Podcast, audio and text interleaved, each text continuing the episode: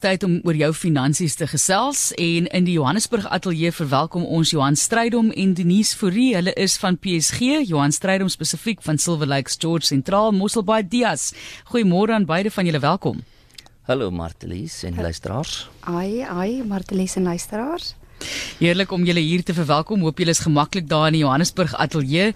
Ons wil sover moontlik in ons lewens oor alles beheer uitoefen en dan daar sekere dinge wat ons maar weet ons nie oor beheer het nie, maar jy sê Johan in tye waar opbrengste nie altyd aan die verwagtinge voldoen nie, is dit baie belangrik om aandag te gee in goed wat mens wel kan beheer, soos die belasting wat gehef word binne verskillende produkte. So was 2017 en die jaar sover 'n goeie jaar in SA Markte Johan? Martelies, Die antwoord is ja en nee. Ehm um, as 'n mens net na die top 40 indeks kyk, dis met ander woorde die top 40 maatskappye op die aandelebeurs, kon jy 'n opbrengs verlede jaar van 20% gekry het. So daar sê ons die antwoord is ja. Maar daar's 'n groot maar en dit is al manier hoe mens dit sou kon kry was om omtrent 25% van jou belegging in een aandeel te gehad het en dis Naspers.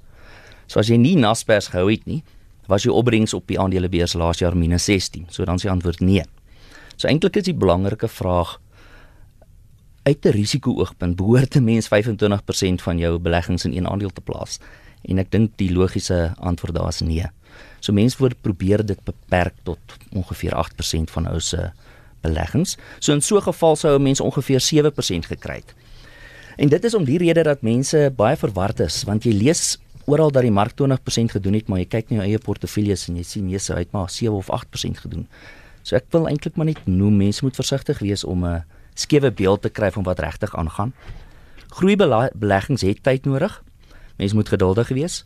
Jou portefeulje moet bestaan uit gedeeltes wat inkomste beleggings is en en vir jou in tye waar die groei nie so goed is nie, wel vir jou kan inkomste verskaf. Die nuwe statistiek gee vir mense ook insig in hierdie sake en konteks. Julle sê dat die opbrengste in die omtrek van so 6 tot 9% is en julle onthou daar waar dit 12 tot 15% was. So wat het gebeur dat daar so 'n groot verskil is? Wel, Martelies, die eerste ding wat hier by my opkom wat belangrik is is ehm um, kom ons kyk na die verhouding wat opbrengs en inflasie met mekaar het. Dis definitief 'n relevante vraag wat ons in hierdie dag en tyd redelik baie kry, maar is soos Johan ook gesê het belangrik om perspektief te kry oor jou belegging en hoekom het jou opbrengs dan nou 'n so groot verhouding met inflasie en hoekom is dit belangrik? En hier wil ek net 'n paar syfers uitlig wat wat nogal vir my interessant was. So heidaglik die inflasie syfer jaar tot jaar op einde Maart staan so op 3.8%. So kom ons praat van 8%, ag 'n 4% inflasie syfer. En hierdie syfer eh, interessant is ook een van die laagste sedert uh, Februarie 2011. So as ons dan nou na opbrengs na inflasie gaan kyk, um, kan ek dit met 'n voorbeeld baie maklik verduidelik. So jy's in 'n kom ons sê jy's in 'n siklus waar jy 12% um, opbrengs gekry het en die inflasie op daardie stadium is 6%. So jou opbrengs na inflasie is dan nou 6%. So dis dan nou 'n reële syfer waarna ons verwys. So dis werklik wat jy kom ons sê groei wat jy beleef teenoor in die huidige um, ekonomie of in die huidige siklus waarin ons beweeg, ehm um, lewer ons belegging kom ons sê 9% op, inflasie is nou 4%. So nou het jy 'n reële of 'n um, opbrengs na inflasie van 5%. Dan lyk dit in perspektief met die 6% lyk dit nou nie so so sleg nie. Ons kry ook baie die vraag van van geld in die bank. Ehm um, En en hier is dit belangrik want kliënte sê vir jou, jy weet ek kan 7% kry rente wat ek verdien as my geld in die bank is. Maar as jy dieselfde voorbeeld gaan toepas en jy trek die 4% inflasie van 7% af, dan sit jy maar met 'n 3% reële opbrengs. So eintlik oor tyd boer jy dan nou agteruit. As jy as jy dan nou eerder jy weet vaskyk in in veiligheid en en in in in ehm um, hierdie geldmark uh um beleggings. So inflasie is 'n bitter baie 'n uh, ding wat 'n belegging kan eet en en wat wat regtig vir jou kan vang op 'n tyd wat wat oor tyd. Um is dit 'n belangrike ding om om in gedagte te hou en dit kan jou grootste vyand wees op die ou end is inskakel hier by Oggend op RSG en ons het die vloer gebied aan ons twee gaste vanoggend in die Johannesburg ateljee wat saam met ons kuier en dis Johan en Denise van PSG wat vir ons help met ons finansies. Volgende kyk ons na die opbrengste die rol wat die wisselkoers daarin speel Denise. Okay, so wisselkoers is ook 'n lekker interessante ding en um eerste ding wat jy wat jy moet weet is jy moet buitelandse beleggings hê of randverskanse beleggings hê. So as jy dit nie het nie, dan het die wisselkoers nie eintlik 'n impak op jou nie. So ehm um, as jy dan nou hierdie tipe beleggings hê, is daar altyd twee goed wat jy in gedagte moet hou. Eerstens die prestasie wat daardie buitelandse maatskappy ehm um, dan nou lewer, so hy kan byvoorbeeld 20% en dit lyk verskriklik goed maar die geldeenheid um, in daardie land in verhouding met jou land se geldeenheid is dan ook verskriklik belangrik. Want as die rand byvoorbeeld versterk en die buitelandse maatskappy het goeie opbrengs gelewer, dan het jy nie eintlik so goeie opbrengs gehad nie. En ehm um, as jy vir, na verlede jaar gaan kyk as 'n voorbeeld, as jy in die aandelemark gaan kyk, buitelandse aandelemark, dan lewer wys dit vir jou in dollar terme, jy het 'n 14% opbrengs gehad. As jy dit terugbring met met die rand op 'n sekere stadium dan kyk jy maar na 1% opbrengs as jy na na randwaarde gaan kyk. So dis baie belangrik weer eens dat 'n buitelandse belegging 'n langtermynbelegging is en en dit werk dan nou maar in 'n teenoorgestelde korrelasie wat jy sê as wisselkoers verswak en jou rand versterk dan kan jou opbrengs dalk nie so so goed in perspektief lyk nie. Dit is die nuutste antwoord op die rol van wisselkoers in jou opbrengs. Johan in die inleiding het ons nou genoem dat tye van laer opbrengs mens meer aandag aan moet goed soos belasting moet gee en dat 'n mens daarna moet kyk. Ek dink baie keer wil 'n mens maar net die dinge laat voortloop want jy jy voel jy het geen beheer daaroor nie, maar wat bedoel jy met dat daarmee en die feit dat 'n mens dalk 'n bietjie beheer kan uitoefen?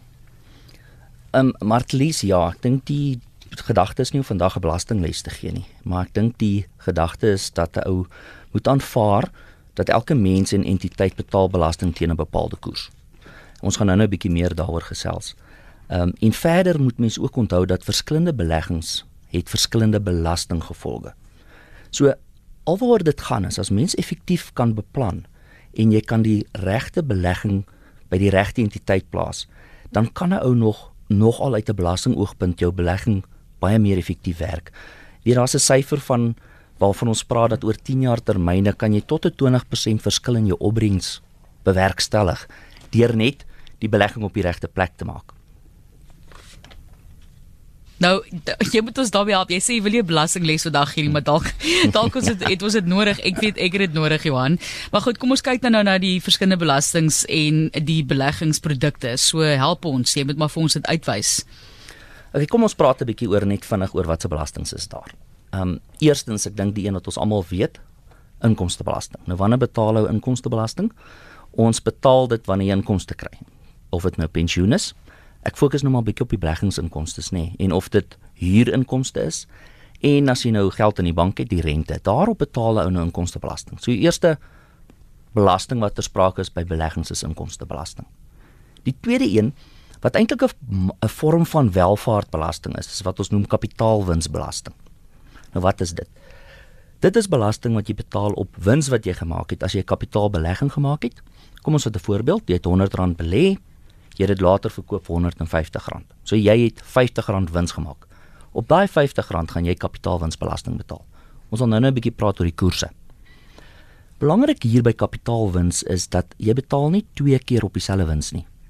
Kom ek gee vir jou weer die voorbeeld. As jy nou die R100 omskep het in 150 en jy vat nou die 150 en jy belê dit weer en dit word 200. Dan gaan jy net weer op die volgende 50 kapitaalwins betaal. Nie op van die R100 af nie, maar van R150 af. Ehm um, ons praat in in ons terme van jy het nou die basiskoste verhoog. Uit die aard van die saak is dit 'n is dit 'n mate um, of 'n tipe belasting wat maar baie weerstand het by mense. Ou wil mos nie jy kyk nie jou belegging en jy sien hoe hy groei en dan wil jy nie eintlik graag om eendag omskep en op baie winsbelasting betaal nie wat heeltemal te verstaan is. Die een ding wat mense maar net in gedagte moet hou is dat oor al die jare het die kapitaalwinsbelastingkoers nog net verhoog. So ou moet as jy die regte rede het dat jou portefeulje geherstruktureer word of verander word, dan help dit nie om te probeer die ding uit te stel nie, want jy gaan dalk eendag net teen 'n hoër koers die belasting moet betaal. Kyk, so ons het vinnig gepraat oor inkomstebelasting, vinnig gepraat oor kapitaalwinsbelasting, dan is daar ding soos dividendbelasting. As jy 'n besigheid belê en jy het 'n aandeel, die hele gedagte is dat jy 'n deel van die wins natuurlik kry. So jy wil nie net hierdie prys moet opgaan nie, as die prys opgaan en jy verkoop dit, betaal jy kapitaalwins, maar in die tyd wil jy 'n bietjie van die wins hê en dan ons praat van dividende wat uitbetaal word. Nou op daai dividend is daar ook 'n belasting. Dan dalk die laaste vorm van belasting by beleggings is wat ons noem boedelbelasting. Dis ook mos maar eintlik 'n vorm van welvaart belasting en dit is um tans 20% en nou onlangs het dit verander na 25% op boedels bo 30 miljoen. Tipies meer vir die welvarende ou. So as 'n ou verstaan dat hier nou verskillende belastings ter sprake is, dan kan hy begin met beplanning rondom hoe mens die goederes moet belê. En soos beloof Denise wat net vir ons gaan verduidelik wat die verskil is van belasting van persoon tot persoon, entiteit tot entiteit. Denise, ek wonder of die boere ook daarso in 'n kategorie ingesluit word. Ja, um, dit is nogal ons sit nogal baie voor boere en en be, doen beplanning om byvoorbeeld te kyk in wie se naam moet jy verskeie beleggings doen. So Johan het nou begin raak aan inkomstebelasting, kapitaalwinsbelasting en dividendebelasting. So ek gaan nou bietjie dieper in dit begin delf en en dan nou verduidelik watse koerse is dan nou um, op verskeie persone en entiteite dan nou van toepassing. So as jy eers gaan kyk na inkomstebelasting en wat hier baie belangrik is en hulle leer dit vir ons oor en oor as jy belasting op universiteit het, as hulle sê vir jou enige inkomste wat jy verdien of wat jou toegekom het vir belastingjaar. Nou dis baie belangrik want daai toegekom deel uh, verstaan kliënte ook nie baie baie keer nie. So Ehm um, as jy na persone gaan kyk, dan weet ons almal jy word op 'n glyskaal belas en dit wissel dan nou van 18 tot 45% afhangende dan nou van wat jou inkomste is. So 'n persoon wat byvoorbeeld op 'n 18% belastingskaal is, gaan jy na 'n sekere tipe belegging kyk. 'n Maatskappy of 'n BK, so met ander woorde 'n beslote koöperasie of 'n maatskappy, sou hulle dan nou inkomste in hierdie entiteit hê, gaan hulle teen 28% belas word. So as hulle enige um, as jy hulle inkomstebelasting som gaan doen en en hulle dan enige belasbare inkomste oor, gaan hulle teen 28% belas word. Ehm um, en belangrik daar, dis nie 'n glyskaal nie, so jy word van rand 0 af belas trust ook en hierdie een is baie kontroversieel want ons weet die laaste tyd is al baie uh, uh, gefokus op trust en trust enige inkomste wat in 'n trust gehou word in 'n spesifieke belastingjaar word teen 45% van rand nul af belas. So daar kan jy al klaar sien daar is verskillende persentasies wat van toepassing is. As ons dan nou aangaan na kapitaalwins toe. So Eerstens die aard is dan nou inkomste, so met ander woorde jy verdien 'n lopende inkomste en soos wat Johan verduidelik het, kapitaalwins is wanneer jy fisiese wins op iets maak. Nou, ons gaan nie vandag pertinent nou praat nie, maar jy kan 'n verlies op natuurlik maak. So as jy 'n kapitaalwins bela uh, um, belasting na gaan kyk, dan praat ons altyd van effektiewe koerse. So as jy enige bate realiseer en jy maak 'n ka kapitaalwins, dan gaan 'n individu 'n maksimum van 18% um, kapitaalwinsbelasting betaal. En 'n maatskappy of 'n beslote koöperasie kyk jy na so 'n maksimum uh, effektiewe koers van 22.4% en 'n trust 36%. Nou al wat ek hier duidelik wil maak, ons ek wil nie hê die luisteraars moet 'n klomp persentasies onthou nie, is net al wat ek hier wil duidelik maak is dat mens kan besef dat afhangende van waar jy die inkomste verdien of waar jy die wins maak, gaan hierdie koers drasties verskil. Want as ek na 'n maatskappy byvoorbeeld gaan kyk wat 28% inkomstebelasting betaal teenoor 'n individu wat byvoorbeeld maksimum van 45 betaal, is daar 'n verskil. Dieselfde met kapitaalwins. As jy die kapitaalwins in jou trust hou, kyk jy na 36% teenoor byvoorbeeld 'n individu van 18%. So mens moet gaan kyk, waar wil jy hierdie uh waar wil jy hê moet hierdie inkomste jou toeval en waar wil jy hê moet hierdie hierdie kapitaalwins realiseer? En dis waar die beplanning en dan die kuns inkom waar ons gaan sê maar kom ons kyk na hierdie totale pakkie van die kliënt. Watter persone en entiteite is hier betrokke en begin dan nou effektief beplan um rondom die belasting. Johan het ook genoem dat uh, dividende word teen uh, 20% belas en wat daar baie belangrik is is 'n terughoudende belasting. So met ander woorde, Ehm um, as jy 'n dividend van 'n maatskappy ontvang, hou hulle klaar die 20% terug, so jy gaan nie weer belas word in jou inkomstebelasting nie. En is maar net 'n prinsip in ons uh, ehm um, belasting uh, ehm um, die regime waarin ons is om te sê jy kan nie dubbel belas word op op op sekere goed nie. So ja, dit is ek dit is maar basies die die verskillende koerse wat jy kry. Belangrik hier net weer eens om te besef waar die inkomste toe kom of waar die kapitaalwins realiseer is eintlik maar daar waar die tekkie die teerslaan in terme van hoe hoe jy belas gaan word op die ou end. Baie mooi gestel die tek hierdie teerslaan. Dit is Denise wat so gesels en Johan van PSG wat met ons praat. Johan stry om met Denise Fourie en ons kyk na die paar dinge wat jy dalk meer beheer oor kan hê en beheer oor die belasting wat gehef word. Johan van jou kant af word alle produkte waar 'n mens kan belê dieselfde belas? Martelies, ja, nou nou is ons op die punt wat ons gesê het elke individu betaal anders belasting. Die interessante ding is verskillende produkte word ook verskillend belas. So dis nou eintlik die kern van waar jy advies nodig het en waar die beplanning inkom is om seker te maak dat jy eerstens die regte entiteit het wat dan die regte produk het en so gaan jy daai belastingeffektiwiteit kry. Nou kom ek verduidelik dit vinnig. Ons het nogal deesdae redelik en jy het nou nog gepraat van die boere ook baie kliënte wat trusts het en maatskappye het. Kom ons maak dit eenvoudig. As jy 'n aandeleportefeulje binne 'n trust het, gaan jy dan nou op die inkomste gedeelte 45% betaal en op die kapitaalwins gedeelte 36. As jy daai selfe aandeleportefeulje binne 'n beleggingspolis binne die trust sit, verander dit. Die beleggingspolis se belasting is die inkomstebelasting slegs 30% en die kapitaalwins slegs 12%. So kan jy sien dat dieselfde entiteit belê in dieselfde belegging in aandele, maar op 'n ander manier en jy bring die potensiële kapitaalwins van 36 af na 12. Nou dit moet mos oor tyd 'n verskil maak. Ehm um, en dis die tipe goed waarna jy moet kyk. Kom ons vat nog 'n voorbeeld.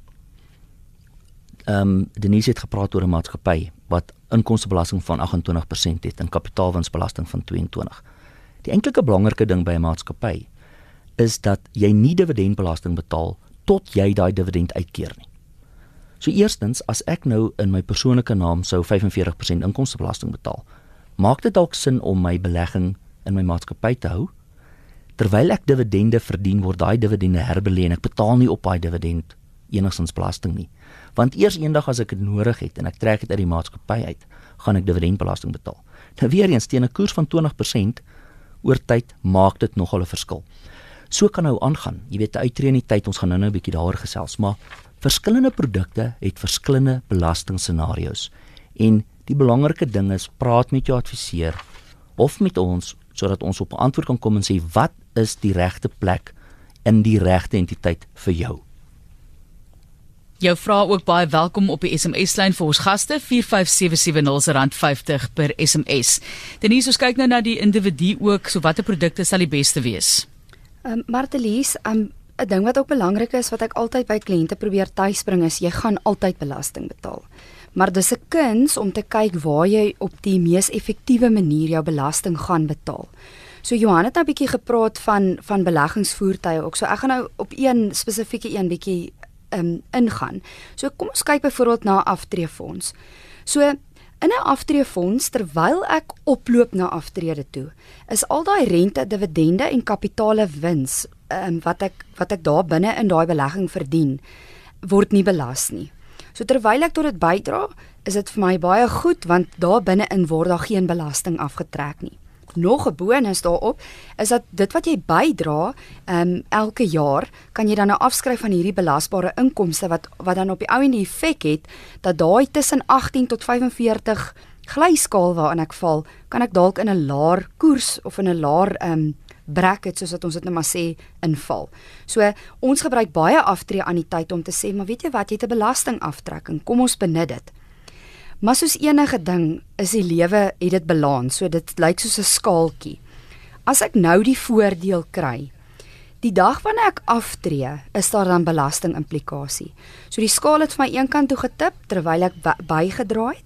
Maar die dag toe ek aftree, kom dan nou sekere reëls en regulasies in. En dit sê dan nou vir ons 1/3 mag ek as kontant vat, maar net die eerste 500 000 daarvan in jou hele lewenstyd is belastingvry. So dit veroorsaak baie keer kontroversie waar die ou sê, maar dis my geld en nou vat jy belasting. Maar jy het die belastingvoordeel gekry die dag toe jy bygedra het tot daai aftreefonds. Die ander 2/3 sit jy dan nou in 'n lewende anniteit in En dan die inkomste wat jy daaruit verdien word dan nou volgens inkomstebelasting. So dis asof jy 'n salaris uit dit uit verdien en dit word dan nou belas volgens inkomstebelasting. So daai skaal is dan nou gebalanseer. Ek het die voordeel gekry en nou trek jy dit by my af die dag as ek aftree. Dan wat wat al wat ek hieroor wil bring is dan sou jy dieselfde in kom ons sê dieselfde onderliggende fondse maar jy doen dit byvoorbeeld in 'n effekte trust. So nou as jy weer daai skaal voor jou kan sien, die rente, dividende en kapitaale groei in 'n effekte trust terwyl ek bydra tot dit word belas. Maar die dag as ek byvoorbeeld aftree en ek gebruik daardie belegging om my inkomste by te dra tot my inkomste, dan word dit gesien as kapitaal en dra dit dan nou nie by tot jou inkomstebelasting nie. So hier wat ek net hier wil hê mense moet verstaan is, dis verskriklik belangrik om die verhouding tussen jou vry, verpligte en vrywillige geld ook reg te kry, want die belasting implikasie verskil. En hoe jy dan op die ouend inkomste uit hierdie verskeie uh, beleggings trek, uh, maak dan 'n wesenlike verskil oor hoeveel belasting jy betaal. So Ja, Goed, ek ek wil nie vir jou in die rede yes. val nie. Denise, maar ons nou nog 2 minute okay, en ek weet julle het nog 'n paar punte wat julle wou bespreek daar net. Laastens dalk nou Johan, ek weet nie of julle die kripto geld een en net daar wil by insluit en of jy tyd hier daarvoor nie, maar die belasting op buitelandse beleggings, mense is nogal besig om te mik in daai rigting. Martelies, ja, ek dink kom ons ons kan 'n paar van die ander goed sommer net los. Kom ons gesels net vinnig oor die buitelandse beleggings. 'n Suid-Afrikaner betaal belasting op sy wêreldwye inkomste en bates. So uh, ons moet dit onthou. Ons kan nie meer in 'n situasie wees waar ou dink jy steek geld weg nie. Die belangrike ding net hier is dat daar 'n ding so situsbelasting is. Dis eintlik 'n tipe van 'n boedelbelasting wat gehef word op aandele en eiendom in die buiteland. Nou dit kan tot 40% wees. So weer eens dink ek die boodskap moet maar net wees dat as ons die regte tipe belegging doen, kan ons selfs in die buiteland hierdie situsbelasting van 40% verhoed miskien kortliks net net daaroor um um net iets sê dat 'n ou weet ja. daar is maniere om dit te doen. Um miskien kan ek net afsluit as as wat die eintlike boodskap is vandag. Daar sekerre goed waaroor ons nie beheer het nie, soos die beweging van markte. Dit help nie ons hou aan daarop fokus nie. Daar is ander goed wat ons wel iets oor kan doen. Kom ons praat oor die risikobestuur van jou portefeulje. Jy kan daaroor doen. Jy kan jou portefeulje diversifiseer. Jy kan lekker slaapbates en lekker eetbates in jou portefeulje. Jy kan buitelands plaaslik, jy kan groei, jy kan inkomste. Jy kan jou emosie beheer. Want ons mense is mos maar geneig om dinge op verkeerde tye te doen. Jy kan na die koste van jou beleggings kyk. En dan waarop ons nou baie aandag vandag spandeer het is die belasting van die verskillende produkte. Die tipe goed kan 'n groot verskil maak in jou beplanning gaan praat met jou adviseur, werk deur dit. Opbrengste werk in siklusse, ons kan dit nie beheer nie, maar werk deur dit. Daar is baie goed wat ons wel kan doen. Ons sê vir julle baie dankie. Dit is mense soos julle wat ons nodig het om ons te help, né? O, oh, Here, leer elke keer 'n bietjie meer, maar dit is Johan Strydom en Denise Fourie van PSG wat met ons vanoggend gesels het daarvan uit die Johannesburg ateljee. Ek hoop julle 'n heerlike dag verder. Dankie Martelies en goed. Baie dankie. dankie.